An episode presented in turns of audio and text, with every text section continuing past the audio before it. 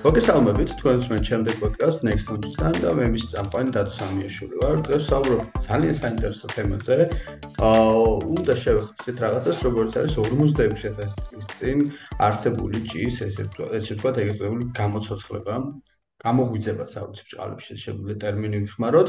აა რაც ძალიან მნიშვნელოვანია, ამ პროექტში იყო ჩართული ქართული ქართველი მეცნიერი. თეიმურაზ კურცხალია, რომელიც არის მაქს პლანკის უნივერსიტეტის პროფესორი. აა და ის იყო უშუალოდ ჩართული ამ კვლევაში. თორემ ეს გავიგე რომ ქართული მეცნიერი ესეთ მნიშვნელოვან პროექტზე იყო ჩართული, ძალიან გამიხარდა და მეც უნდა მქონდა დაკავშირდებოდით, რომ გვესაუბრა ამ თემაზე, უფრო ზუსტად გაგვეგო თუ რა მოხდა და რა მნიშვნელობის არის ეს, ხო? მით უმეტეს გნახეთ მე თქვენ ეგ როდესაც CNN-ს აძლევდით ინტერვიუს, ვიცი რომ ცოტა ხანს წინ BBC-დან გქონდათ კონტაქტი და მოკლედ ახლა უკვე ჩვენ ვართ next-ი და ძალიან მიხარია რომ ამ თემებზე ესეთ თემებზე ზოგადად ქართულად საუბრობთ რა ეს მიყვარს ეს ყოველთვის ხოლმე რა და მოკლედ გადმოვალ თქვენთან პირდაპირ რომ ანუ რა მნიშვნელობის კვლევა იყო ეს მაგით რომ დავიწყოთ და რა მოხდა უფრო კონკრეტულად თქვენ გვეტყვით ალბათ ყველაზე კარგად მოდით იცით რა სანამ მნიშვნელობას საერთოდ მნიშვნელობა არის უკვე ისა თქვათ აა განსაზღვრა. და თქვა რა მოხდა და რაზეა ეს კვლევა. და ამას მოგიყვებით უბრალო ასე თქვა ქართული ენით რომ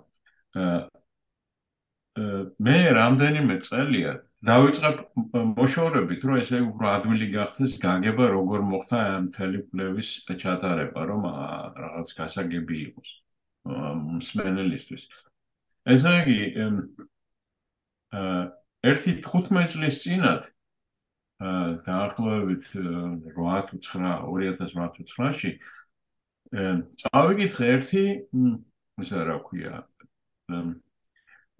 review ანუ რაც ქვია ქართულად. თუმცა ეს იყო ადამიანის რომელმაც დაწერა ის რომ არსებობს სამი სტატუსი სიცოცხლის. სიცოცხლე, სიკვდილი და შუაში, ასე ვთქვათ, აი ეს კრიპტობიოსი, ანუ დამფალური სიცოცხლე. ეს დაიწყო, მოთხოვრის ალბათ გეცოდინებათ, რომ ესეთი იყო მიკროსკოპის შემქმნელი ანტონი ფან ლევენჰუკი, რომელმაც რომელიც იყო 71 წლის მე მგონი, როდესაც ესეთი ცდა ჩაატარა, ცდა კი არა, ნუ რაღაც ესე მოიქცა ეს, რომ თავი მინდა რა თავისი მინდა საწვიმარი მილიდან აიღო ფიშა ჩააგდო წყალში და უცბად დაინახა ისინი რა ქვია მოძრავი სიცოცხლის ასე ვთქვათ ორგანიზმები და ისე ისე განჩიფდა და ისე გაგიჟდა რომ ფაქტიურად ეს ყოველთვის მეგობარი იყო აი მაგას ვერ დავამტკიცებ მე და ას მინდა. მეგობარი იყო ცნობილი ბარუხ სპინოზასი გაგიგებათ ალბათ ვინ იყო ბარუხ სპინოზა ოდა ბარუხ სპინოზა იყო ერთ-ერთი ყველაზე დიდი ათეისტი და ამასაც ასე ვთქვათ დაარწმუნა რომ ათეიზმი და ეს რომ დაინახა რომ სიცოცხლე წარმოიქმნა მისი ასე ვთქვათ მინდა რა ქვია მილიდან ამან და გადაწყვიტა და გახდა ესა რო ქვია მორწმუნე. მოკლედ ეს მე გაგიცავდა ორი საუკუნე. პასტერს იყო ჩაბმული ამაში. ეს არის ახალი სიცოცხლე ახალი ჩამოყალიბება სიცოცხლეს თუ ეს არის რაღაც სხვა ფორმა და მოკლედ ესე იგი ეს მიმდინარეობს 49 წელს როდესაც აი ამ კაცმა ნობელ ბიოლოგი იყოს, მათ შორის ნობელ ბიოქიმიკოსი ერქვა დეივიდ ჰეილი. მიდმეჯერი იყო წარდგენილი ნობელის პრემიაზე, ფილმეჯი. არ მისცეს, იმიტომ რომ ეთქობა ისეთ ცუდი ხასიათი ჰქონდა, რომ ესე იგი მეგობრებმა და იმამა ვერ ვერ შეუძლეს ხელი. მოკლედ, ამან დაწერა ესე და მე რო ვსწავლე, ისეთი გამწვდი და ისეთი საინტერესო მომეჩვენა, რომ გადავწყვიტე აი ამის ლაბორატორიაში, ასე ვთქვათ, შემოწმება. ხოდა მე მანამდეაც მუშაობდი ბიოლოგებისთვის ერთ-ერთ ყველაზე საყვარელ მოდელ ორგანიზმს, რომელზეც რომელსაც ქვია Cenorhabditis elegans. ალბათ გაგიგია ეს. ეს არის ნემატოდა წია, რომელიც 64 წელში ცნობილმა სიდნი ბრენერმა ერთ-ერთმა კვლევარმა, რომელიც გენეტიკური კოდი გახსნა, იმან ესე იგი შემოიტანა როგორც მოდელი ყველაფრისთვის. რომ ესე იგი სიცოცხლის ესე არის პატარა ჭია, მრავლდება ჩქარა, არის გამჭირვალე და ასე შემდეგ და მოკლედ ესე იგი მისი ჩართვლით დაახლოებით 11 ნობელის პრემია გაცემული მხოლოდ AMG-ების და შემოქმედების შედეგად. მოდა, მოკლედ ესე იგი ჩვენ დავიწყეთ ამაზე მუშაობა, რომ ესე იგი ერთ თურქი უაღრესად ინჟინერი დოქტორანი ყავდა, რომელმაც ესე იგი გადაწყვიტა, რომ ესე იგი ემუშავა აი ამ კრიპტობიოზზე ჩემს ლაბორატორიაში და გადაწყვიტა, რომ ესე იგი ეს მოდელური სისტემა გადაგვექცია ფაქტიურად შესაძლებელი რომ ესე იგი ეს ეს რომელი წელი იყო, როდესაც ამაზე დაიწყო? 2000 თვაჩენს 8 წელი იყო, ესე ცუდ ცუდ ხალხიაზე ვიყავე საქართველოს ომის ამბავს. საშინელება მოკლედ რა და მახსოვს რომ რომ დავიწყოთ ეს ამბავი ჩემი ტრაგედია მქონდა. ხოდა მოკლედ ეს 2008 წელი იყო და ჯიშანმა ასე ვთქვათ, დაიწყო ამაზე მუშაობა და ძალიან ძალიან საინტერესო წაწია ეს ყველაფერი. მოკლედ, აღმოჩნდა, რომ ეს მართლა შესაძლებელია, რომ ჩვენ ვიხმალოთ სი ელეგანსი როგორც მოდელი და ეხლა აღიხსნით რატო არის ეს მნიშვნელოვანი მოდელის თვალსაზრისით. რომ ესე იგი, სი ელეგანს აქვს რამდენიმე ისა რა ქვია, ლარვული ფაზა და ერთ-ერთი ფაზა არის ეგრეთ წოდებული დაუარ ფაზა. ანუ დაუარი ნიშნავს გერმანულად მუდმივი, არის მარადიული. ხოჭორის მარადიული და ამასთან დაკავშირებით რამდენიმე ლიპიდი, რომელიც მე აღმოაჩინე, დავარქვი მარადოლიპიდები. რომელიც ნიშნულოვანი. ხოდა ესე იგი, ეს მარად დაუარი, ესე ამას შეუძლია მართლა გაშლის მთლიანად. და რომ დაასხამ წყალს, ისევ წამოვა, ასე ვთქვათ, უკან და მოკლედ დაიწყო ამაზე ისა. ეხლა რატო არის მნიშვნელოვანი, რომ ეს ელეგანში დაიწყო ეს ყველაფერი? იმიტომ, რომ ჩვენ გვაქვს გენეტიკა. გენეტიკა ელეგანსის, ანუ შეგვიძლია ყველა გენის გამოთიშვა, შეყვანა, გადმოყვანა და ასე შემდეგ. ამის საშუალებით სამი სამი სტატია გამოვაყენეთ, რომელშიც ვაჩვენეთ, რომელი გენებია საჭირო ამისთვის, რომელი გენებია, ასე ვთქვათ, დამხმარე და ასე შემდეგ. და აი ზუსტად მანდ ვიყავით, როდესაც გავიგე ვიღაცისგან, რომ ესე იგი, რუსეთში იპოვეს იმათმა, რა ქვია, აა მეცნიერებმა აი ესეთი გადარჩენილი ჭიები. ნუ ეს იყო რაღაც ანეკდოტური ანეკდოტური უცხოური გაგებით, არა ქართული გაგებით. რომ ანეკდოტალ ნიშნავს, რომ ესე იგი ადაუმტკიცებელი ფაქტები.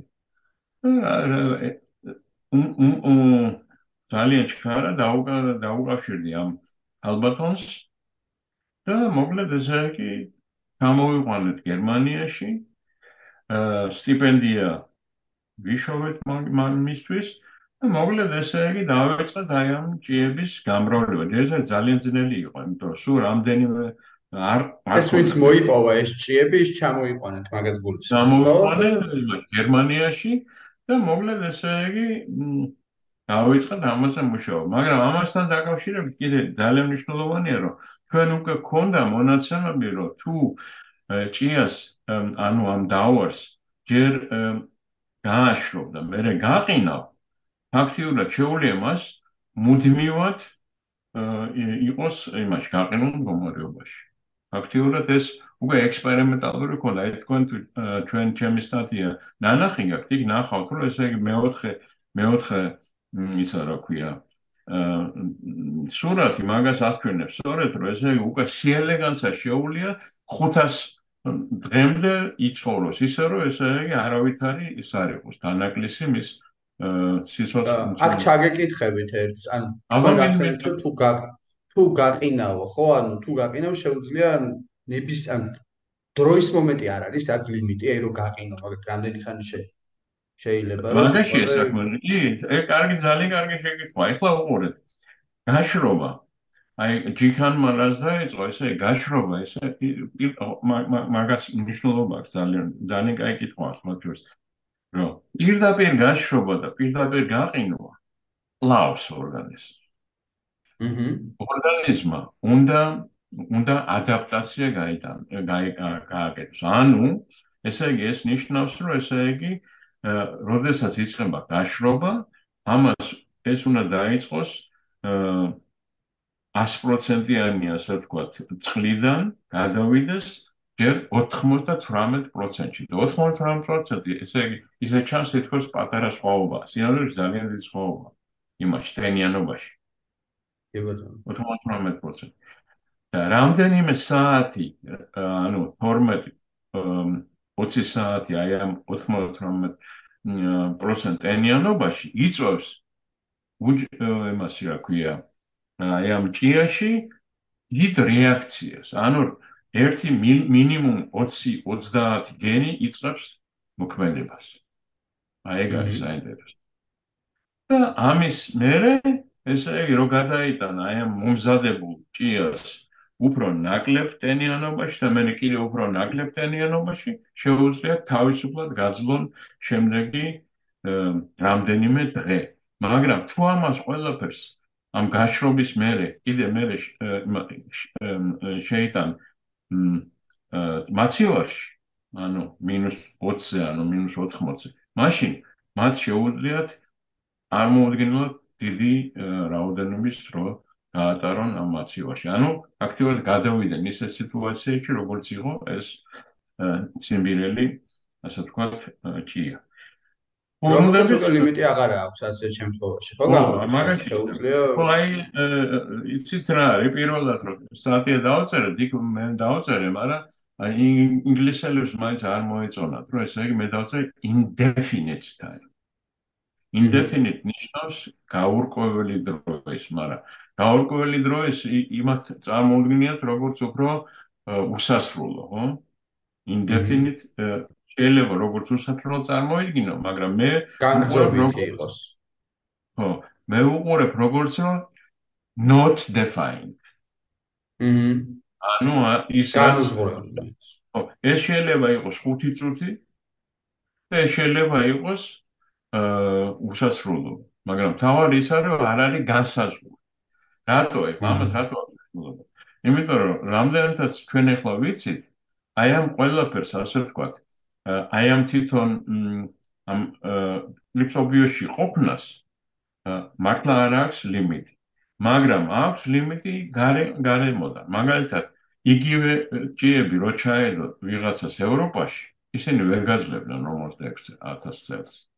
ყინულის რო ყოფილიყო. იმიტომ რომ აქ ჩვენთან ძალიან დიდი რადიოაქტიურობა ნატურალურ. აჰა. ციმბირში, ციმბირში არის დაახლოებით რაღაც 0.002 ისა რა ქვია. გახლეჩა ვეშ. ამიტომ ესე იგი და ეს იწოდა გამოიწოდა მაგალითად ევროპაში იმას რა ქვია დნმ-ის აბსოლუტურ დაზიანებას. დაშლას. დაიშევა და ეშალა კიდევაც ხო დაიშლებოდა დნმ და ამიტომ 46 წელი ნახდათ ვერ გაძლევდნენ. ასევე მაგალითად იმას რა ქვია გარემოს გავლენა ის არის რომ მაგალითად რომ გამდინარიყო რაღაცა იქ და ესენი გამდნარი იყვნენ და იქ არ არის საჭმელი არაფერი, ისინი სწორად აიყურებოდნენ. ეს ასე თქვა, გარემოს უფრო დიდი გავლენა აქვს ვიდრე საკუთარ შესაძლებლობას რომ გადაურჩა აი ამ იმას რა ქვია. თუ სიტუაციას. აა მე უბრალოდ ეხლა მინდა რომ ხო, ბოდიში ჩაგე ჩაგე. მინე მინე, მინე, ძალიან კარგია რა კითხვა. ხო, კი ბატონო. აა ეგ ცოტა მომავლისთვის წარმომიდგენი იმ თემას რო შევეხოთ რა, უშუალოდ რამდენად შესაძლებელია რომ ეს კიდაც გადავიტანოთ მეરે უფრო კომპლექსურ ორგანიზმებს. აი ეს გარემოს მომენტი, გარემოს მომენტი რო ახსენეთ.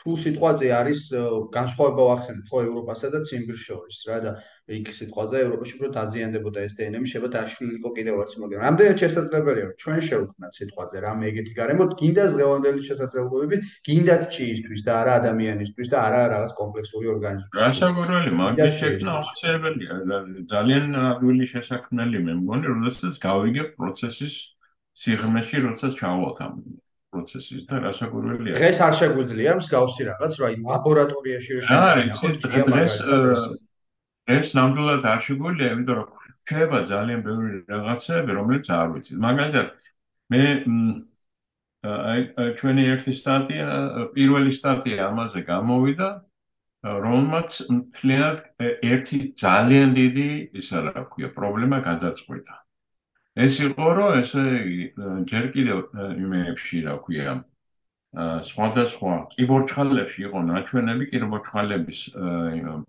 რა ქვია იმას კვერცხებში იყო ნაჩვენები რომ ესე იგი ძალიან დიდი რაოდენობით ჰქონდათ მათ ტრეხალოს ან ტრეხალოზა არის შაქარი რომელიც შედგება ორი გლუკოზისაგან რომელიც ისეა დაკავშირებული რომ ფაქტიურად მისი გაწყობა შეუძლებელი ამიტომ არ ხდება მათი დაჟანგვა, ოკეი? ნუ უბრალოდ ხო ხოდა ეს ეს იყო ყველაფერი ეგივე ანეკდოტალური ესე კორელაციის. ჩვენ გამოვიყენეთ ჩვენი ისა რა ქვია მოდელი შეიძლება და პირდაპირ ვაჩვენეთ რომ უტრეხალოსოთ ჭიებს არ შეუძლიათ გადარჩენა აი ესეთი ან ან გაშრობის ან გაშრობის ან გახინვის ძალიან მნიშვნელოვანი იყო ეს ფაქტიურად პირველად ვაჩვენეთ რომ ეს არის მართლა გენეტიკურად ასე ვთქვათ განსაზღვრული რომ მეხალოზა უნდა დასინთეზდეს სწორედ იმ მომენტში როდესაც იწყება მომზადება აი ამ პროცესის და მე შემდეგ სტატიაში ვაჩვენეთ სხვა გენები, რამდენი გენია საჭირო, რომ ესე იგი გადარჩენა მოხდეს, მაგრამ ეს ყველაფერი ეს მხოლოდ დასაწყისია. ბოლომდე არაფერი არ გვესმის ჩვენ. ამიტომ არის მნიშვნელოვანი რომ გავარკვიოთ, ესე იგი მართლა რამდენი გენია საჭირო, რამდენი ცილა და ასე შემდეგ. ამიტომ ჯერჯერობით თქვენ პასუხს პირდაპირ ვიძლევი რომ არ ვიცით, ესე იგი როგორ შეიძლება ამის ეხლა გაკეთება. მმ კი ბატონო. თუმცა არის პოტენციალი, რომ რაღაც გონზე არა, რასაკვირველია. მაგალითად ძალიან საინტერესო იყო, რომ რამდენიმე გენი, რომელიც ვაჩვენეთ, აა თქვენ არ გემახსოვრებათ ახლა, რამდენიმე გენი, რომელიც ვაჩვენეთ, ძალიან მნიშვნელოვანი იყო მიტოქონდრიის შენარჩუნებისთვის. ესე იგი, ისა რა ქვია, ჭია სილოს რომ შეინარჩუნოს განსაღი ისა რა ქვია, მიტოქონდრია. და ამის გამო რამდენიმე ცილას ასინთეზებს, რომლებიც უწყობენ ხელს მიტოქონდრიის ასავა დაზღვევას.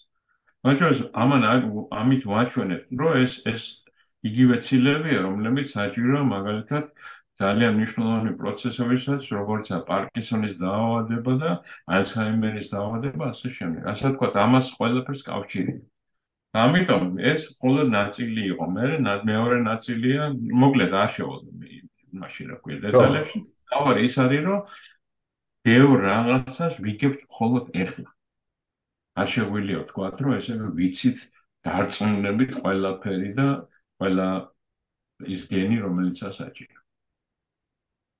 მესმის. კი ბატონო. აა აი ახლა მაგალითად აქედან გამომდინარე რომ საუბრობ ხო ანუ აი თქვენი უშუალო ეს ბოლო კვლევა რაზეც ესე გაშუქდა და რის გამოც დღეს დავიწყეთ საუბარი. აი როგორ შეგვიძლია ეს ყველაფერი დავაკავშიროთ და რამდენად შეგვიძლია ვთქვა რა რა ეტაპი არის რა გადასვლის საფეხური არის და რამდენად უახლოვდებთ იმას რომ კიდაც ბევრად მეტი ვიცოდეთ. და აქედან მე უკვე ცოტა მინდა რომ მომავალს ვისაუბროთ რა პოტენციალი აქვს აბსოლუტურად აბსოლუტურად. ძალიან მნიშვნელოვანია. ეს ეს კვლევა ადასტურებს იმას რომ პრინციპში სიცოცხლის შეჩერება ეს უბრალო სიტყვა არ არის მართლა სიცოცხლის შეჩერება შესაძლებელია განუსაზღვრელი დროით ეს მართლა უბრალოდ წინანდელობაში ადვილად წარმოსათმელი, მაგრამ სინამდვილეში ძალიან დიდი რაღაცა. ეს ნიშნავს, რომ ჩვენ შეგვიძლია შეგვიძლია მინიმუმ ერთ ორგანიზმში დავამტკიცოთ, რომ ესე იგი სიცოცხლის შეჩერება შესაძლებელია. თუ ეს შესაძლებელია გიოჭიაში ბოდიში ისე რომ ჩაგერთეთ, მაშინ იდეურ დონეზე შესაძლებელი უნდა იყოს, ხო, რომ რაღაც უნდა მაგასია სამართლების განმარტება, რომ თუ ერთხელ არის ერთხელ არის შესაძლებელი, მაშინ მეორეში უნდა იყოს შესაძლებელი. მაგრამ აი სწორედ უბრუნდები იმ ჩემკვლევებს, რომელიც იყო მანამდე რაც ვახსენე, რომ თუ არ გვეცოდინება რა არის საჭირო აი ამ შეჩერებისთვის, ვერ შევაჩერებ. მაგრამ როცა ვიცით რა არის საჭირო, მაშინ დავიწყებთ იმაზე ფიქს, მაგალითად ადამიანის უჯრედები, დავუშვათ, ხო? გადაუნერგოთ ის გენები, რომლებიც აქვთ ჭიებს. 6-7 ან ჩვენ უკვე საუბრობთ ეს ცოტა არ არის მათეორ ეს რთულია ამას ამას ყველა დიდი ის უნდა მაგრამ ეს უკვე დიდი დასაწყისია და ნუ ეგ ეგრეა რომ ყველაფერი იწყება რაღაციდან რაღაც და მე მიდის ასე ვთქვათ განხორციელებაში ხო? ამიტომ ესე იგი ეს ჭიები ესე იგი გადაუნერგოთ გენები. მაგალითად ეს იქნება ძალიან მნიშვნელოვანი პრაქტიკულად იმის იმის გამო კი არა რომ ესე იგი უბრალოდ გავაცოცხლოთ ადამიანი და რაღაცა. არა უბრალოდ წარმოედგინეთ რომ ჩვენ ქონდეს უჯრედის კულტურები მე ცოტა science fiction-ში შევდივარ რომ ეს იგი კონდეს ისეთი უჯრედები, რომლებსაც შეუძლიათ გაშრობა. ანუ ეს იგი და იმის მაგივრად რომ ეს მინუს მინუს 80 გრადუსიანი ისინი კონდეს, გეწყოს იმაში რა ქვია, როგორც მარილი მარილი იმისი რა ქვია, ნატრიუმ ქლორიდი გეწყოს უჯრედები იმაზე რა ქვია, რაპ დაფაზე. ან რაფაზე და როცა დაგჭირდება მიიღო დაასხამ წყალს და გააცოცხლე. ან და გააგზავნის სხვა ქვეყანაში. სვათაჭრის ეს ძალიან მნიშვნელოვანია და ეს ძალიან დიდ დანახარს ასე თქვა მოგვაშორებს. ეს მე ერთი. ეხლა უბრალოდ მეტი პრაქტიკული თუ მართლა ეს შეუძლებელია, მაგრამ მე მართლა იმას კი არ ვიძახი რომ ეს ეს იქნება ალბათ იმ დროს როდესაც მე მაგას ვერ მოვესწრებენ ნამდვილად 20-30 წლის მერე რომ შევქნათ ორგანოების ასეთივე გაშრობა. აი წარმოიდგინე რომ მაგალითად გულების მთელი ის კონდეს რა ქვია პალეტი რომელიც გაშრობილი გულები ან გაყინული გულები რომლებიც როცა გინა მაშინ მიყვალ და წაიღებ იმასთან რა ქვია მომხმარებელთან გადაუნერგო გადაუნერგო და ასე შემდეგ. ეს არის პრაქტიკული და რაც თავარია მე კიდე მოდის უკვე ფილოსოფიური და ასე ვთქვათ science fiction-ი რომ შეიძლება მაგალითად დაგჭირდეს წავიდეთ სხვა პლანეტებზე რომელიც არის 100 100 წლის მანძილზე მანძილი დაშორებული ჩვენთან.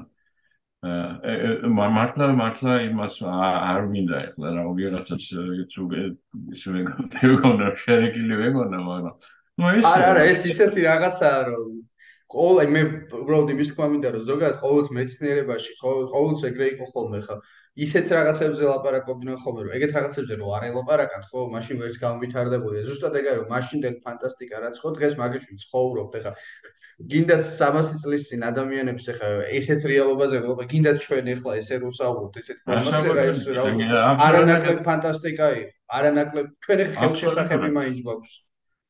აი ეს მაგალითად არ არის ფანტასტიკა აი ეს ეს ხელსაც ყარ არის რომ შეგვიძლია დავიყვიროთ და ვიღაცას ესმის ეს ამერიკა. ვერ ვაფასებთ უბრალოდ ზოგჯერ ვერ ვაფასებთ ყოველდღიურობაში რამდენად შეცვლილია ჩვენი რეალობა. და იგივე მომენტი და მაგის მამინდა რომ ესე იგი ეს ყველაფერი არის ჩვენს წინ. და ამის გაკეთება შესაძლებელი რასაკვირველია უნდა უფრო ჩავერთოთ და რაღაცა და. ეხლა ერთ რაღაცას ვიტყვი რომელიც მე კი როგორც დაწყენი კი არ ვიძახი, ანუ პირიქით, კარი გაგებით ვიძახი, რომ ეს 15 წელი, რომელიც მე გავატარე ამ იმაში, რა ქვია, მეცნიერებაში, მანამდე ვიღავი ლიპიდების ბიოქიმიაში, სხვა ძალიან წარმატებული ჩემი სტატიები რაღაც 2000 და 3000 ციტირება ქონდა. და აი ამ სტატიებს იმაზე, როგორ ხდება, ასე ვთქვათ, კრიპტობიოზი 20 და 30 სხვათაშორის. იმიტომ რომ იყო აფსაიდში. ანუ იმ ადგილას, სადაც თავარი მეცნიერება არის. მაგრამ თავარი ეხლა ეხლა რაც მოხდა, ის არის რომ შესაძლებელი გახდება ალბათ ძალიან ჩქარა ეს რომ გახდეს მეინსტრიმი, რომ ესე იგი მართლა დაიწყოს ადამიანებმა დიდი დიდი შეტევით, ასე ვთქვათ, აი მის განხორციელება, რაც მე ვთქვი, რომ ესე იგი შეუძლოთ აი ამ კრიპტოპიოზის დაგება და მე მისი პრაქტიკულად გამოყენება. კი ბატონო. აა და აი ეხლა უბრალოდ მაგიდან გამიჩნდა ეს მომენტი რა ეს ორგანოები რო აფიქრეთ მაგ ახსენეთ მართლა და მე მაგ მიმართულებით აი უფრო არ დაუფიქრებულა რა თუმცა აი უფრო ახლო მომავალი ვიდრე ის რომ პირდაპირ გინდაც ადამიანი ხო ცოცხალი ორგანიზმის ეგ გავფიქრეთ რა ეს ძალიან საინტერესო რაღაცა არის რომ ორგანოები იყოს ეგრე შენახული. ალბათ ბევრად უფრო მარტივია. ხო ვიდრე რომ თლიანი ცოცხალი. კი რა საკვირველია და სხვა შორის ეხლა დღესდღეობით ალბათ გაგებული გექნება ორგანოები კი არა მხოლოდ. არის ეგრეთ წოდებული ორგანო ორგანოიდების დრო. როდესაც შეიძლება პატარა ორგანოიდი ასე თქვა ჩამოყალიბო და მე ვიცით როგორ შეიძლება ის განვითარდეს ორგანოთ ასე თქვა უკვე და ძალიან მნიშვნელოვანია. ორგანოიდი არის დაახლოებით 3 3 სანტიმეტრის სიდიდის. ამიტომ პირდაპირ გეტყვით, რომ ესე იგი მე და ერთ კალბატონს საფრანგეთში სწორედ გვაქვს მაგაზე კოოპერაცია, რომ ესე იგი შეგვეძლოს როგორღაც ეს ორგანოიდები გავაშროთ და იმას ვქნათ, რა ქვია, აი ამ გენების გადანერგვა. მაგრამ ეს არის უკვე დიდი მომავლის ამბავი. ხო, არა, ეგ კი ბატონო. აა ეხლა ორგანოებზე გამახსენდა ზოგადად იგივე ხა ის ლაბორატორიულ ხორცები რო არის ხო, ალბათ ხსენიათ ხო, ანუ ვოცილობენ რომ ალტერნატივა შექმნა. ხო, რაღაც უჯრედულ დონეზე იღებენ და შემდეგ მთლიან ხორცს ზრდიან, ხო?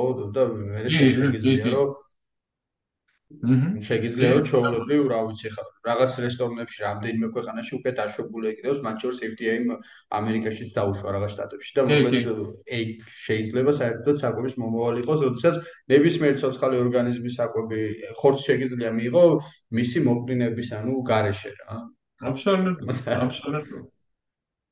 აა და მე უბრალოდ ეხა ეს ესეთ ის გამიჩნდა რა დროზე რო ლაპარაკობდით და პერიოდებზე რო ლაპარაკობდით რეალურად თქვენი აზრით, აი ეს თქო, ეხაც ხო იყო რაღაცები წერებოდა 1-2, რომ იყვნენ სურველები, რომლებიც ამბობდნენ, რომ მოკლედ მე ხამ ზატვა, რომ აი გავიყინო, გამყინეთ, მოკლედ მე მაინც ვხვდები და რავი რა აზრიებს და იქნებოდეს მე თეორიული შანსი მაინც არის, რომ რაღაცა ზე ტექნოლოგიამ რამენაირად მოახდინოს დღეს რომ გავყინო. სიტყვაზე ადამიანია, რა ვიცი. თეორიული შანსი რომ აი გინდაც ის დაზიანებული უჯრედულ დონეზე გინდაც დნმ-ის აღდგენა მოხდეს. თეორიულ დონეზე ვამბობ ზე ტექნოლოგიით. ალბათ შეუძლებელი იქნება ესეთი რაღაცა.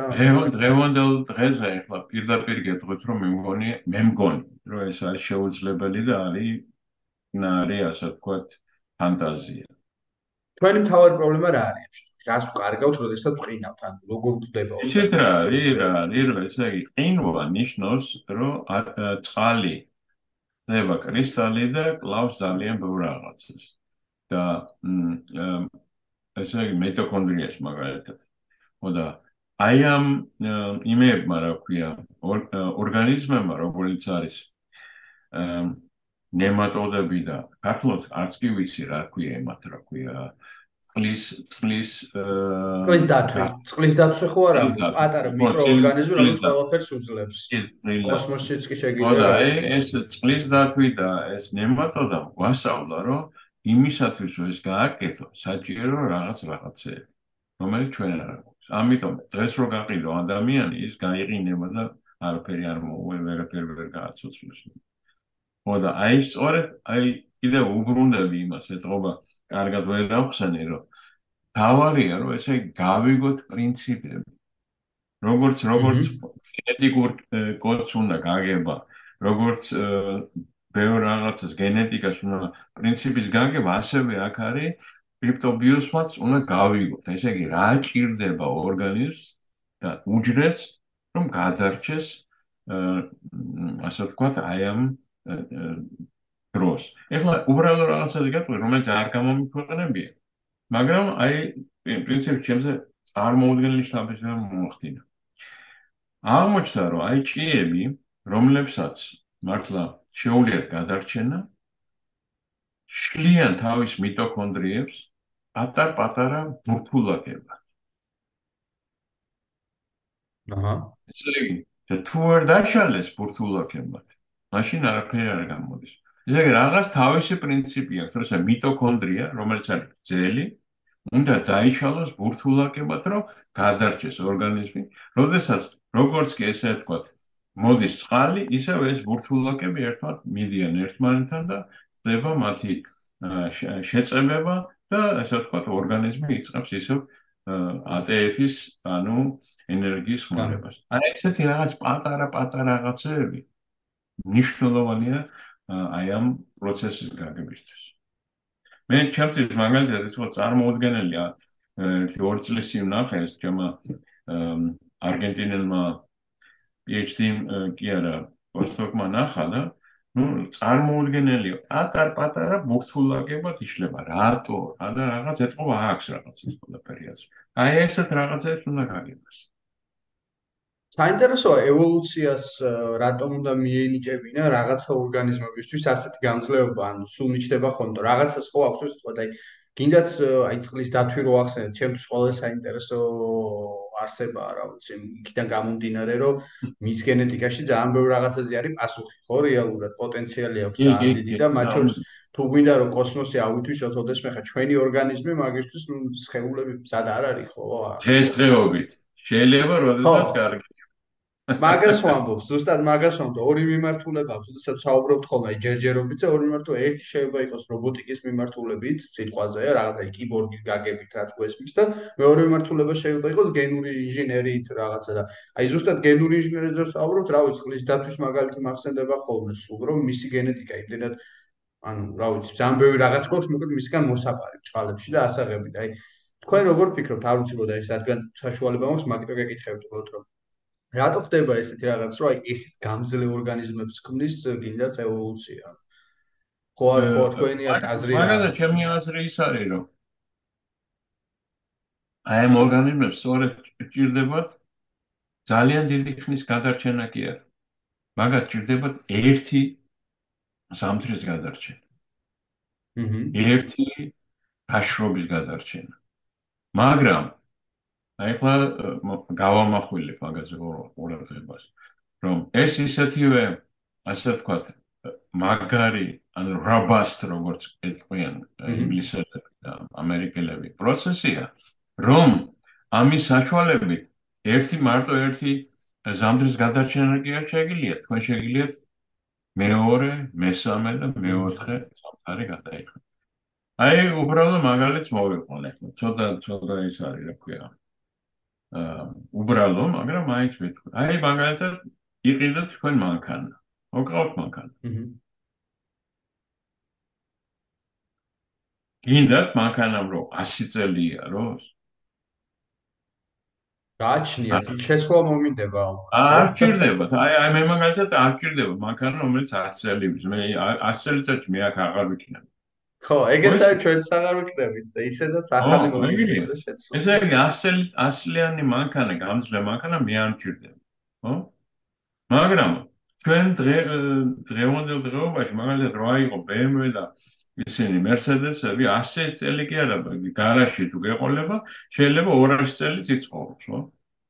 იყოს და იყოს ფუნქციონალური. აი ზუსტად მაგაზია რომ ესე იგი, აი ამ აი ამ ორგანიზმებმა ისეთი ძალიან მაგარი, ასე ვთქვათ, მექანიზმი მოიგონეს, რომ შეუულიათ გადარჩენ არა მხოლოდ ერთი და ორი ზამთარი, არამედ 46000 ზამთარი. მაგაში ესა. რომ ესე იგი, ან მან აზრი არა აქვს იმას, რა ქვია, რომ ესე იგი შეგიძლია რომ მართლა ისე გაჩერდე, რომ აღარაფერი აღარ მოგერევა. ხოდა ეს არის ჩემი აზრი მაგას. ნუ არ ძალიან ის არის უცნაური შესაძლებლობა, რომ რაღაც ორგანიზმს მახელო შესაძლებლობა აქვს წყლის და საერთოდ კოსმოსში გასვლა. ჩემ ჩემთვისაც იყო ძალიან ძალიან დიდი ეს გაოცება და საკვირველება და პრინციპში მე მიმაჩნია რომ ის რაც გააკეთეს აი ამ რუსმა მეცნიერებმა მოდით ეხლა იმათაც მივუღოთ ძალიან დიდი ის არა ქვია რა ეს ადამიანი რომელსაც დაიწყო ეს ყველაფერი დავიდ გილიჩინსკი რუსმა ებრაელმა ძალიან დიდი ავეცი ენერგია და შრომა დაადო რომ ყოველ წელს წავიდა მიდიოდა ამ პოლიმაზე ბურღავნდა მოქონდა უკან არ ვიცი რა ესეთი რაღაცები მე არის მე მე მაგალითად მაგალითად მაგას მე შეიძლება მოდა ესეთი აი ესეთი რაღაც ენერგიამ გამოიწვია ის რომ აი ბოლოში იპოვეს სიცოცხლე აი ამ საძაგელ ადგილას რომელიც არის კოლიმა როგორც ნასტასია ეძახის ეს ის ადგილია სადაც უფრო მეტად ადამიანის ძვალს იპოვი ვიდრე ჭიას ესე აი ეგეთი რაღაცა ეხა შეოდნავ გადახოვაც არის თემიდან, მაგრამ სულ ახსენდება ხოლმე, როდესაც ესეთ ადგილებში პოულობ ციცოცხლეს რა, სულ ახსენდება ხოლმე მზის სისტემის მომენტი, აი მაგალითად იუპიტერის და სატურნის აა თვარეები რაც არის რა, მაგალითად, იმიტომ რომ მან ხო ვიცით რომ ეს თვარეები არის ყინულის და ნუ აა თუმცა დავაფიქსირეთ ახლა ტელესკოპებით რომ იქ რაღაც ყინულის გეიზერები ამოდის და არის ესეთი ვერსია და ვარაუდობთ რომ გაყინულ ძალიან სქელი ფენის ქვემოთ შეიძლება საერთოდ ხევადი წყალიც იყოს. იქ რა თქმა უნდა საერთოდ ისეთი პირობები იქნება რომ ჩვენ ამ მე და თქვენი ქვერ გავძლედით რა თქმა უნდა, მაგრამ თუ არსებობს დედამიწაზე ესეთ ცოცხალი ორგანიზმი როგორც არის წყლის დათვი, ან გინდაც ეგეთი ჭია, რაზეც ახლა გვაქვს ეს პოდკასტი, მაგას ვფიქრობ, მაგრამ ჩემი ის არ არის ბევრი ფიქრობს, მაგრამ შეიძლება იყოს გინდას იქ რაღაც სახის ცოცხალი ორგანიზმები რა, ამ იუპიტერის და სატურნის გასაკვირველებს. აბსოლუტურად. ძალიან საინტერესოა ხო ეგ, იმიტომ რომ აა ან თავიდან თუ იყო რომ ვეძებდით ჯერ გვეგონა რომ ამ თვარზე ან მარსზე იქნებოდა, იქიდან გავუდინე რომ ახლოს იყო და კლდოვანია ორივე სიტყვა, ნუ მარსი პირდაპირ მნიშვნელობით კლდოვანი პლანეტაა, თვარი კიდე თვარია. აა შეიძლება საერთოდ სადღაც გაყინულ სამყაროში ვიყოთ, არამიწერი სიცოცხლე და იმგონია რომ რაღაც ესეთი აღმოჩენები მინიშნებასავით არის, რომ იქ სადღაც ყინულში ქვემოთ შეიძლება საერთოდ თავისუფლად არსებობენ რაღაც ორგანიზმები მე მე მგონი კლარკსმა ვიღაცას აქვს ეგეთი ეგეთი დიალოგი, რომ ესე იგი შეიძლებაო აქ სიცოცხლე იყოს, ორი ორი მეგობარი არიან იმაზე, რა ქვია. არტურ კლარკის იმაზე ამბობთ რამე ნაწარმოებზე? მე მგონი კლარკი, მაგრამ შეიძლება მეშლება უკაცრავად. კი, არტურ კლარკი. ხო და მაგრამ შეიძლება მეშლება სხვა სხვა არის, რომ ეუბნება, რომ აქ შეიძლებაო, რომ სიცოცხლე იყოსო. და მეორე მეგობარი ეუბნება რომ ჩვენ რო ვიცოდეთ რა არის სიცოცხლე აქო, მაშინ შესაძლებელია.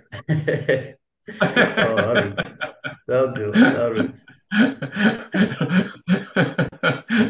ამიტომ ძალიან ძნელია ამის განსაზღვრა. გეთანხმები. თუმცა მე აი სწორედ მაგიტომ მომწონს ეს ასე ვთქვათ ის რასაც მუშაობ, რომ არ არის განსართული რაღაც კონკრეტული მეცნიერული იმით, რა ქვია. პირდაპირი იმით, რომ ეს უნდა ესე იყოს. არა, ყველაფერის ვარიანტი შესაძლებელია და პრინციპი გვაქვს თავისუფლება, რომ ის გავაკეთოთ, რაც შეგვიძლია და ვიფანტაზიოროთ ასე. აი ტექნიკურ დონეზე როგორ ხდება? ეგ აი უბრალოდ კი შევეხეთ რაღაც დონეზე მაგრამ აი უფრო თუ შეგვიძლია ცოტა სიღრმისეულადაც მაინტერესებს. აი როგორ ხდება? გინდაც აი რომ ამბობთ რომ პოპულარულ ენაზე გამოვიდეს რომ აი გამოვაგვიძეთ 46000 მიძინებული ჭაი ტექნიკურ დონეზე შეგვიძლია რომ ჩავიდეთ. არა ეგ რა საკურველი არავითარი მაგ ტექნიკური დონე არ ჭირდება მაგას. იყო ესეთი აი ვიმეორებ კიდევ ერთხელ არის იყო ერთი ვინმე დავით გილიჩინსკი. აჰა. მოსკოვში იყო, ასე ვთქვათ, უმფროსი მეცნიერ თანამშრომელი, რასაც ქვია, საბჭოთა კავშირში. და 80-იან, ა 70-იან წლების ბოლოს და 80-იან წლების დასაწყისში დაიწყო ეს ექსპედიციები პოლიმაზე. მიდიოდნენ ერთი 5-6 ადამიანი, თვაჩვე ძალიან ძნელია იქ მოხვედრა.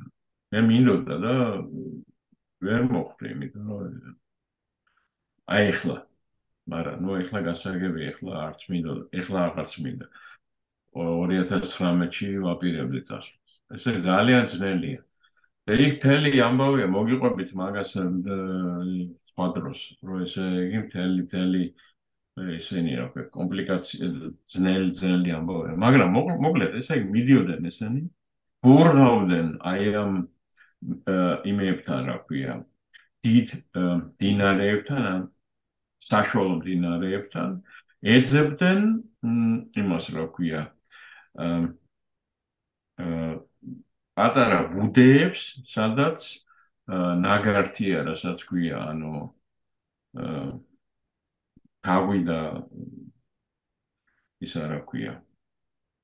აა რა ქვია კაცო თავი და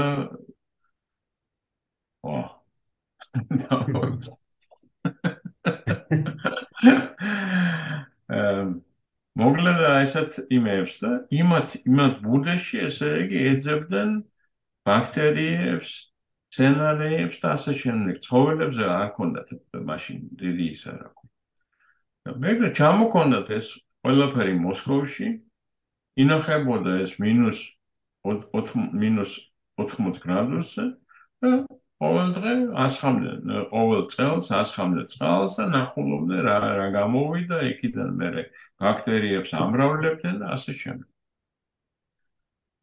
რაღაც მომენტში ესე იგი ის გააკეთეს რომ ესე იგი იპოვეს ორი თესლი იმისი რა ქვია რაღაც სცენარის და გააცოცხლეს ეს სცენარი. ძალიან დიდი ამბავია სხვა ჩვენს ეს. ოდა ახლა მე უკანასკნელ პერიოდში როდესაც გარდაიცვალა ეს კაცი მაგრამ მისმა ცოლმა აიღო თავის თავზე სანდორნობა და მოკლედ ესე იგი აი ამ იმეებში რა ქვია სემპლებში ესე იგი აღმოჩინეს ეს ცოცხალი ორგანიზმები და ну ნასაკურველი ძალიან დიდი ამბავი იყო მათთვის და მაგრამ რუს რუს რუსულ იმაში გამოაქვეყნეს და აი ეს არის ტექნიკური ჰმმ. კი ბატონო. ესე იგი მე დადეს ნუ რაღაც ბაქტერიები, მე ჭიები ჭამენ ბაქტერიებს. ჰმმ. ხოლო ნუ რაღაც მისცეს ბაქტერიები და ესენიც გამრავლდნენ. მაგრამ რო რო გამოგიხსნათ, რო ჩამოიტანა იმან რა ქვია. აა ანასტასიამ დრეზდენში ეს ჭიები ძალიან ცუდ მდგომარეობაში იყვნენ. მოკლედ ძლივს მოძრაობდნენ რაღაცა და მოკლედ ეს ჩვენც აქ დიდი დავეხმარენ და სხვადასხვა ბაქტერიები ვცადეთ, რომელიც უფრო მოკლედ აჭაპური მწვადი ყველაფერი იმას ქვენით, რა ქვია. აი სუფრა გაუშალეთ. აი კაი სუფრა გაუშალეთ და მოკლედ ძალიან დაიწყეს გამრავლება. ეხლა გამრავლებაზეც მნიშვნელოვანია რომ ესენი არიან ეგრეთ წოდებული პართენოგენური ისინი რა ქვია ორგანიზმები. ეს იცით ალბათ რა არის პართენოგენეზი ნიშნავს რომ მხოლოდ ისინი რა ქვია ძედრები ცხოვრობენ. ეს პრინციპი ძალიან გასაგებია სიმბირის სიტუაციაში, როდესაც ძებნა იმისი რა ქვია მამრის შეჯვარებსო არ არ არის საჭირო. ამიტომ ესე გლედები მრავლდებიან. ეხლა პართენოგენეზი აი ამასინად მოუყევი ნიუ-იორკ ტაიმსის იმას და ფაქტიურად აპოლიტიკურად დაარის მიწოდა რა. იმგაგებით რომ ეს პართენოგენეზი მოდის პართენონიდან. ჰმმ. პართენონში იყვნენ ესე იგი ქალები, რომლებსაც არ ყავდათ მამრები, მაგრამ რომლებიც ასე ვთქვათ, მრავლდებოდნენ თავისთავად. ძალიან საინტერესოა სხვადასხვა ორგანიზმებშიც კი ფიქსირდება ხოლმე, აგერ ცოტა ხნის წინ. აბსოლუტურად, აბსოლუტურად, მაგაში ეს არაფერი ამაში პოლიტიკურად ცუდი არ არის, რომ სხვათა ძალიან უფრო უმეტესად ფიქსირდება ეს ხულიკებში, გველებში, რომლებიც ცხოვრობენ იმაში, რა ქვია, აა უდაბნოში. კი. ასე ძალიან ძნელია მეორე ინდივიდის პოვნა. ამიტომ ესე აქ არაფერი ის არის, მოკლედ ეს პართენონ გამრავლება და მაგრამ ე ამას აქვს ძალიან რთული იყო ჩვენთვის ვინაიდან ამ ესენი უმეტეს პართენოგენები არიან ეგრეთ წოდებული ტრიპლოიდები. ანუ სამ სამი გენომი აქვს მათ. ჰმმ. და ამის გაშიფრვა იყო წარმოუდგენელი, ან მოკლედ ესე ჩვენი ჩვენი ერთ-ერთი წამყვანი, თავარი, ასე ვთქვათ, ვინც გაშიფრვა ეს არის ცნობილი ჯინ მაიერსი, რომელმაც გაშიფრვა მთელი დროზოფილის გენომი და აა უაღრესად დიდი შრომა ჩადებული ამაში. და ეს არის ტექნიკური ისა რა ქვია. შემოსავალი. კი ბატონო. აა აი ხლა ახლო მომავალში ცოტა შორეულშიც გინდათ რას გეგმავთ? ანუ ამ მიმართულებით რას აპირებთ? გაგრძელებას როგორ აპირებთ? ან საერთოდ გინდათ თქვენ, გინდათ თქვენი გუნდი, ან გინდათ ზოგადად აი ამ მიმართულებით როგორ ხედავთ ახლო მომავალში და მე ცოტა კიდე შორს გავიხედო და ნელა შეგვიძლია. შევაჯამოთ. მოდი ახლა პირდაპირ ველაპარაკოთ. მე მე ასე ვთქვათ, ახლა მაგაზ მაგაზე აღარ მუშაობ, მე ჩემი სხვაჩოს ფირმა საქართველოს რომელშიც რომელშიც ძალიან მოწამატებულია. ხოდა ამაზე მუშაობ, მაგრამ თავარი მიზანი და ჩემი ურთიერთობა სულკო ჩემ ინსტიტუტთან ლაბორატორიასთან არის, რომ ბოლომდე გავარკვიოთ რა გჭირდება გადარჩენისთვის. აი კრიპტობიოზისთვის რა გჭირდება? ეს არის აბსოლუტურად მნიშვნელოვანი. ანუ რომ გავყინოთ და ამ დროს გადარჩეს ეს მაგას გულში. აი ესე იგი, ვიმეორებ კიდევ ერთხელ, რომ იმისათვის რომ ორგანიზმი ან ან ასე ვთქვათ, გაშრეს, ან გაიყინოს, მას ჭირდება გენები, ანუ ცილები, რომლებიცაც ის ამსადებს. და აი ამ ცილების და ამ გენების გარღვევა აბსოლუტურად საჭიროა. რომ ვიცოდეთ რა გვჭირდება რომ წავიდეთ მოგზაურობაში. მოკლედ ესე იგი, რა უნდა ჩავდოთ ჩვენ ზუგშანდაში, რომ გვქონდეს ეს მოგზაურობის საშუალება, ოკეი? ჰმმ. როგორც კი ეს გვექნება, მე შეგვიძლია უაღრესად დიდი ასე ვთქვათ, უკვე აცილებით დიდი ფულის დახარჯვით და დიდი ენერგიის დახარჯვით გადაუნერგოთ ეს გენები სხვა უჯრედებს. და ნახოთ რომელი იქრას იზამს. იქრას იზამს. როგორი შეიძლება მაგალითად 2-3 გენის გადანერგვით თავარ იმას მივახციოთ მიზანს თუ მართლა საჭიროა რომ 9 გენი გადა მაგრამ 9 გენის გადანერგვა უკვე უკვე ძალიან დიდი პრობლემაა მოკლედ ესე იგი იმაზეა დამოკიდებული როგორ წავა ეს ყველაფერი ესე იგი პირველად პირველი იქნება ამოცანა გავარკვიოთ რა გვინდა მერე შეგვიძლია მათი გადატანა და ასე შემდეგ. როდესაც ამას შევძლებ მერე ნუ მერე თავარი ის იქნება რომ ესე თქო თქვათ მართლა განვახორციელოთ მაგრამ ამას ყველაფერს დაჭირდება ათობით წელიწადი აი და მაგაში დაწუნებული ათობით, მაგრამ შეიძლება ამ საუკუნის ბოლომდე მოვასწროთ. კი, კი, არა, ამ საუკუნის საუკუნის ბოლოზე არა ლაპარაკი.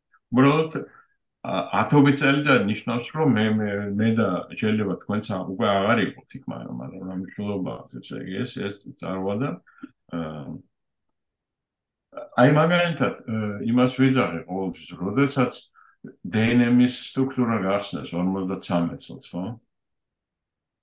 ვინმე შეიძლება წარმოედგინო, რომ ერთი გენი შეიძლება და ერთი ორგანიზმი მეორეში გადაენერგა. ნო. ან წარმოუდგენელი. მაგრამ ესე ეგრო გეთქვა, ესე იქნებოდი მაგარი ისა რა ქვია. ან საერთოდ ამოჭრა რო შეგვიძლებოდა CRISPR-საც შევიძლებთ აკრატელებით და ან რაღაცა და არ გავიდა 20 ამდენი 19 წელიწადი 72 წელში იყო პირველი სტატია სადაც იყო ნაჩვენები რომ შეიძლება ბაქტერიას ერთი გენი ამოჭრა გადაუნერგო მეორე ბაქტერიას ეს უკვე ამხელად დიდი გზა არის. წარმოუდგენელი გზა და მე კიდე 80-იან წლებში საერთოდ ისეთი რაღაცა გახდა რომ დღესდღეობით მაგალითად ჩვენთვის ჭიაში ნებისმიერი გენის გადანერგვა შეგვიძლია რაც გვინდა ერთის ორის, მაგრამ უკვე მესამეზე იწყება პრობლემა და ასე შემდეგ, მაგრამ ამასაც მოვაყარებ და გვჭირდება მაგაში. ადამიანს პირდება პრობლემა. გადაჭრის. პრობლემას და პრობლემა და პრობლემას ჭირდება გადაჭრა და აი მე მე მიმაჩნია რომ მე ძალიან ოპტიმისტი ვარ ადამიანს შეუძლია ყოველთვის პრობლემის გადაჭრა. აი რამდენი რაღაც პრობლემა უნდა ჩვენ? ჩვენ ვიძახი კაცობრიობას. მაინც ყველაფერს ჭრილი ხო?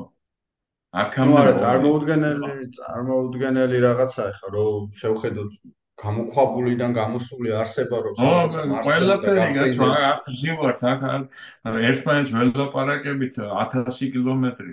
შეგვიძლია ამის გაკეთება. მით მაინც ეს პესიმიზმი რო აუ რა რაღაცა რა არა ჩვენ ყველაფერი შეგვიძლია თუ ხედავთ პრობლემას და თუ პრობლემას უყურებთ როგორც პრობლემას და შეგვიძლია მისი გადაჭრა მაგაში ესა მე დაარწმუნებული ვარ რომ ჩვენ ყველაფრის პრობლემას გადავჭრით როგორც გადავწყვიტეთ გადავჭერეთ პრობლემა ბაქტერიების. აი უბრალო ამბავს გეტყვი. აი ეს ის კოვიდის ამბავი რო იყო. აჰა. რამდენი წელი გაგრძელდა კოვიდის საშინელება? ნუ ერთი ნახევარი წელი, ხო? ჰმ. რამდენი წელი რამდენი ორი წელი, დაუშვათ ორი წელი. რამდენი წელი გაგრძელდა ჭირის პრობლემა ევროპაში, როდესაც ნახევარი მოსახლეობა ევროპის დაიღუპა, ხო? 60% თითქმის ევროპის დაიღუპა მაშინ ჭიმ ხო ხო შეიძლება ეს რო ეს ის რაც მაშინ ყოლესა აი ესე ყველაფერ მე მე მე ესე უყურებ რომ ესე იგი ჩვენ გვაქვს პრობლემა მას წვითო და ალბათ ავეცი ასეთ ოპტიმისტურ ნოტაზე და თორემ მე მართლა ოპტიმისტი ვარ ჩემი ძონი მეუნება შენ სულ ყველაფერს ის მაგრამ აი იგივე ყველაფერს რაც გარემოში ხდება. როცა დავინახავთ რომ მართლა ჩემ სახში აღარ არის რა ვქეთ, ხალი არ მოდის და და ნამდვილად გადავწყვიტო ამ პრობლემას. თემის კაცობრიობა გადაწყვიტავს. ჩვენ შეგვეძლება ნუ არ ვიცი, შეიძლება აი მეც ფოტოშორის მეც ეგრე ვარ ძალიან ოპტიმისტი ვარ ესეთ მიმართულებებით. ნუ იქიდან გამომდინარე ზოგადად სამსიო ფანტასტიკა ძალიან მიყვარს და მაგ მიმართულებაში წერ და რაღაც ჩემი ის არის ეგ სამყარო. მაგ ნეგავნერ საერთოდ თუ ისეთი რაღაცები წარმომიდგენია ხოლმე რომ ვფიქრობ საერთოდ მე მგონია ხოლმე რომ საერთოდ ჩემ თაობასაც კი შეუძლია ისეთ რაღაცებს მოესწროს რომ რა თქმა უნდა საოცრებს მოვესწრებით კიდე 30-40 წელს მაგრამ გულისხმობ იმას რომ აი მათ შორის სიცოცხლის გახანგრძლივებას და რაღაცებსაც ოპტიმისტურად უყურებ ხოლმე, აი ცოტნე თქვენ მეგობარმა ვინც დაგვეკავშირა, მასთან მინდა კიდე ერთი პოდკასტის ჩაწერა მათ შორის სიცოცხლის გახანგრძლივებაზე, რამდენად შეგვიძლია ეს და აა თვითონ ცოტა პესიმისტურად არის მაგ ხრებ განწყობილი და იქ საუბარი იყო იმაზე, რომ აი თაგვების მომენტი რაც ხდება ხოლმე რა, ძალიან თითქმის მართლა ძალიან ხშირად იდება ახალ ახალი კვლევები, აა რავი, ერთმა თაგვმა აგერ ორჯერ მეტი იცხოვრა, იცოცხლა გაუხანგრძლივეს ის სიცოცხლე რა და ეს მიმართულებაც რაღაც ძალიან ხშირად გონიათ ხოლმე, რომ თითქოს წარმოუდგენელია, მაგრამ აი ამასაც კი ვხედავ დღეს, რომ ხელშესახებია რა, რაღაც ორგანიზმებს აცხოვრებენ ფაქტია ორჯერმეც და თუ ეს რაღაც დონეზე ხდება უკვე, ხო, რატომ არა, რომ სიტყვაზე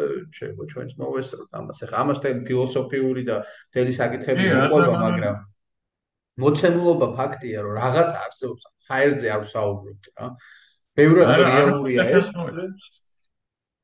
არავითარ შემთხვევაში. სვაჩორის თქვენ ალბათ იცით, რომ ეს ისა რა ქვია, სიცოცხლის განხორციელების ასე ვთქვათ, თავი მოდელი 70-იან წლების მერე გახდა ისა რა ქვია. აა დელეგაცია, ანუ ნემატოდა. აჰა. ხოდა ის რომ ესე იგი ორჯერ გაახანგძლევეს მისი სიცოცხლე. მე მაგალითად ამ შემთხვევაში პესიმისტი ვარ, იმიტომ რომ ეს არასწორი გახანძლება ვიყო, მაგრამ აი იმას რაც თქვენ იცახთ, იმას ვეთანხმები აბსოლუტურად რომ ესე იგი შეიძლება გახანძლება რაღაც რაღაც პერიოდების. მაგრამ ფეშტარჩეს და ევოლუციონერ ევოლუციური თვალსაზრისით უაზროა სიცოცხლის გახანძლება მე როგორ აა გულისხმობთ იმას, რომ ევოლუციურ თვალსაზრისით არ არის კარგი, რომ გავხსნათ. არა, მე რომ გითხო არ არის აბსოლუტურად კარგი. ანუ უნდა შეიცვალოს თაობები, მაგას გულისხმობთ? აბსოლუტურად. იმიტომ რომ მაგალითად აა თუ ისე დავჩით როგორც ვართ, რომ მაგალითად გამრავლება არის მხოლოდ რაღაც პერიოდში, მე აღარ ხდება გამრავლება, მაშინ ჩვენ შტატში ახლა იმას ვიტყვი ისო პოლიტიკურად ჩემ ჩემი ცხოვრების აზრი მხოლოდ იმას შემთხვევაშია თუ რაღაცა მომაქს საზოგადოებას თორე ისე პრინციპში გამრავლებით ხო არ შემიძლია გავამრავლო და არაფრით დავეხმარო იმას რა ქვია. ჩემ ასე ვთქვათ პოპულაციას ხო?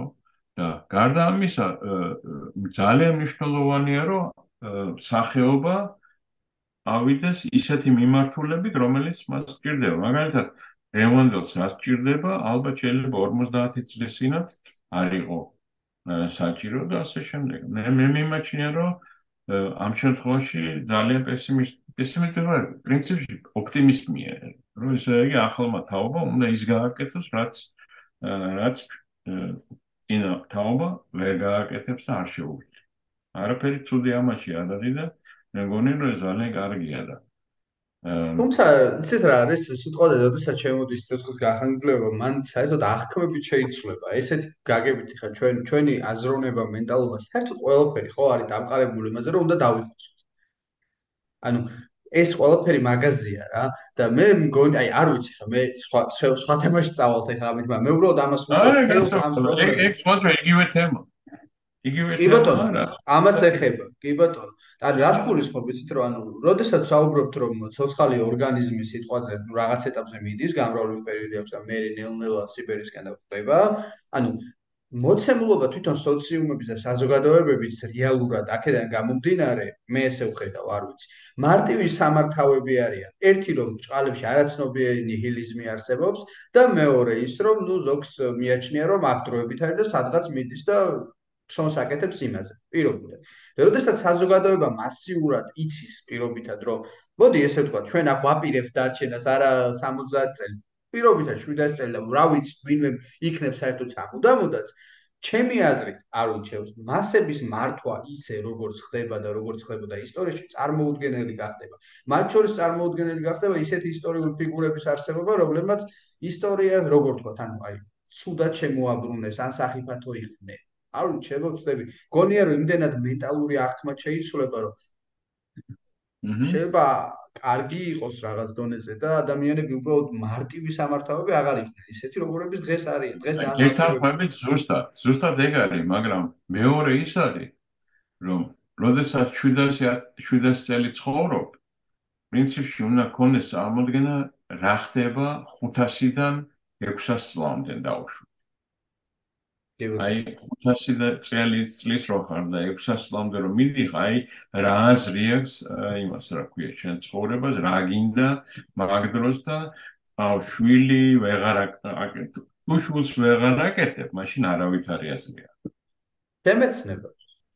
აა მაგაში ესაკმე. ხო ესე თუ ვერ მრავლდები და ძალიან მნიშვნელოვანია ამ გაგებით მაგალითად არის ეგრე აზრი რომ გენერალს ძალიან დიდი მნიშვნელობა აქვს საზოგადო ანუ ადამიანს რომელსაც იომა და რომელსაც იცის და შეგიძლია დაარიგოს რა ხდება ჯარში ხო?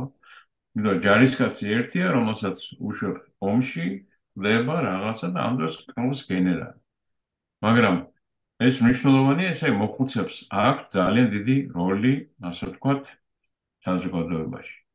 მაგრამ როდესაც ესე ის თუ ყველა თუ ყველა გენერალია და თუ ყველა ნაომარია 500 წლის განმავლობაში. აი არ ვიცი მე მაგალითად არ ვიცი როგორ როგორ ხდება ამის შეჯერება და ანცესება რა არ ვიცი. ძალიან რთული ამბავი. ეგ სწორედ აი თქვენ თქვენთვის არის ისა რა ქვია. science fiction-ი რომელიც ინსპირაცია მაგაზია ჭირდება გაგრძელება სიცოცხლეს რასაკურია ჩვენ პრინციპში უკვე გავაგრძელეთ აი ხო და უყურეთ ჩვენი მამები და ბაბუები 60 წლის ასაკში იყვნენ საკმაოდ ყოველ შემთხვევაში ჩემი ბაბუები და ჩემი მამები 60 წლის ასაკში იყვნენ ძალიან მოხუცი პრინციპი უკვე მოხუცი ხალხი იყვნენ ხო? აი მე მე 60 წლის ასაკში სულ არ მიგძია რომ არ ესა ჩემი შვილი და შვილიშვილები ალბათ საერთოდ 60 წლის ასაკში იწყებენ ახალ იმას, რა ვთქვი. კარგი, მივახციეთ ამ ასოციაციას დაუშვათ, ხო? მე რა? მე 120 წლის მერე მომდის ალბათ 200 წელი და აი იქ უკვე იწყება ფაზური გადასვლა მე რომ კი შეუძლებელია რაღაც სხვა სხვა უნდა მოხდეს რომ ესე იგი მართლა შენ გჭირდებოდეს ეს დრო იმისათვის რომ გამოიყენო რაღაცისთვის აი ეს არის ჩემი აზრი. ხო არ ვიცი მე ამ დროს ვხედავ იმაში რომ გამოვიყენოთ რა ვიცი სამყაროს გაკებით სად ვართ რატო ვართ როგორ ვართ რა ხდება. ეს არის ჩემი აზრით ფუნდამენტური შეხედვა ის რაც ჰამლეტი ოფნა არ ყოფნა ასე ვთქვათ 24 წლის ასაკში გააკეთა შეიძლება 120 წლის ასაკში და 150 წლის ასაკში კიდევ დაასვა ეს კითხვა მაგრამ იოტო ნახოთ ნახოთ არ ვიცი ძალიან და საინტერესოა, ყოველ შემთხვევაში საინტერესო პროცესებში ვარ და ჩვენი პოდკასტები ხოლმე სულ ისე თავდება. აი, მაგაში გეტყვით 100%. ჩვენ ვართ ეხლა ძალიან მნიშვნელოვან დროს, როდესაც მართლა ხდება თავარი რაღაცები გავხსენეთ, როგორც გენეტიკური კოდი და მთელი უჯრედის არსებობის რაღაცა, ეხლა გადავდივართ იქ, რომ გავხსნათ როგორ ხდება ორგანიზმი და რა არის ორგანიზმი საერთოდ.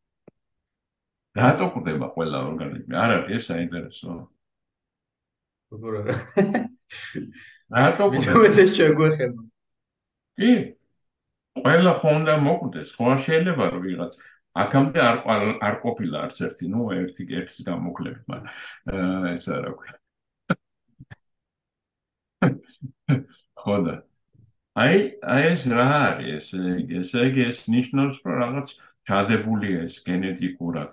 ვაჭრის ციგნი ვაისმანი იყო ეგეთი დიდი ბიოლოგი მე-19 საუკუნის რომელმაც ციგნი დაწერა რომელსაც ხოლო ეს ვაისმანი მაგაზე იყო რომ ესე იგი ვაისმან მორგანისტები და რაღაც დამპალი კაპიტალიზმის ამბავი მაგრამ ამ ვაისმან სწორედ ეგუწერია რომ ესე იგი ორგანიზმი უნდა დაიბადოს და მოკლეს.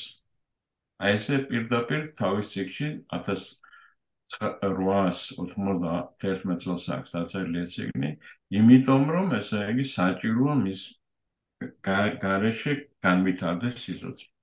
ესეც დებულება, ხო, რაღაცნაირი, ანუ ისეთ რა არის, მაგაზე ცოტა ესეთ პასუხს ხედავ მაგაზე, რომ ორგანიზმი რო არ კვდებოდეს სიცოცხლეში ევოლუციას ვერ განიცდით, იცით? ანუ ესე მაგრამ მაგიდან დავიწყე. თელი თელი პრობლემა ეგ არის, ანუ თუ მან ევოლუცია არ განიცადა, ეხა ჩვენ გონიერი არსებები ვართ და რა ვიცი, ხა თუ ცხელა პირობითად კონდიციონერს ჩავ, პირობითად, მაგრამ ცოცხალ ორგანიზმებს ეს მილიონობით წლის განმავლობაში, მილიარდი წლის განმავლობაში ეს ფუნქციონება არ ქონიათ და შესაბამისად ისინი ანუ უნდა დახოცილიყნენ და ახლები გაჩენილიყო, სადღაც მუტაცია გაჩენილიყო და მეორე გარემო პირობებით მორგება და გადაშენება მოხდომოდა და მე უბრალოდ იმას ვხედავ, რომ ადამიანი რაღაც დონეზე მქონი უახლოვდება იმ ეტაპს, სადაც პირდაპირ ნიშნულ დაღარ უნდა იყოს დამოკიდებული, კიდაც გარეთ როგორი ამინდია.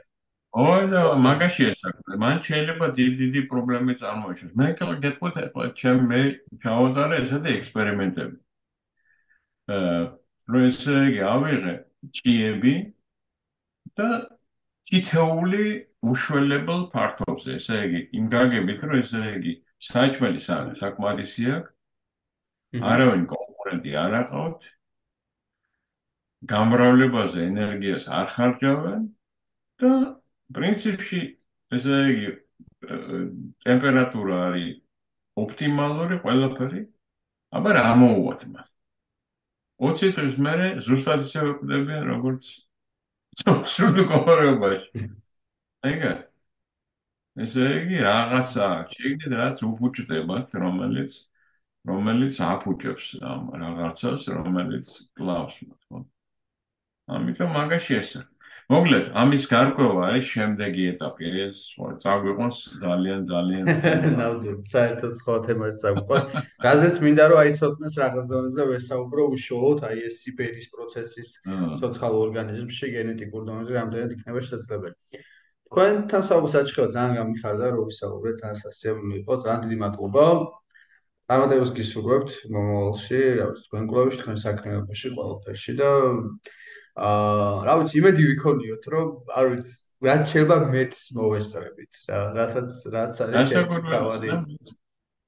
ეს კიდე გისურვებთ, რომ ძალიან სასიამოვნო იყო თქვენთან საუბარი, იმიტომ რომ ძალიან საერთოდ და ყველაფრად ფიქრობთ და მიმაჩნია რომ ძალიან მნიშვნელოვანია რომ ჩვენმა საზოგადოებამ ზუსტად ასევე რაღაც იფიქროს იმ რაღაცებზე რაც თელი მსოფლიო ფიქრობს და რომელიც აწუხებს მსოფლიოს და არა მხოლოდ ის რაღაც პატარ-პატარა ლოკალური რაღაცები.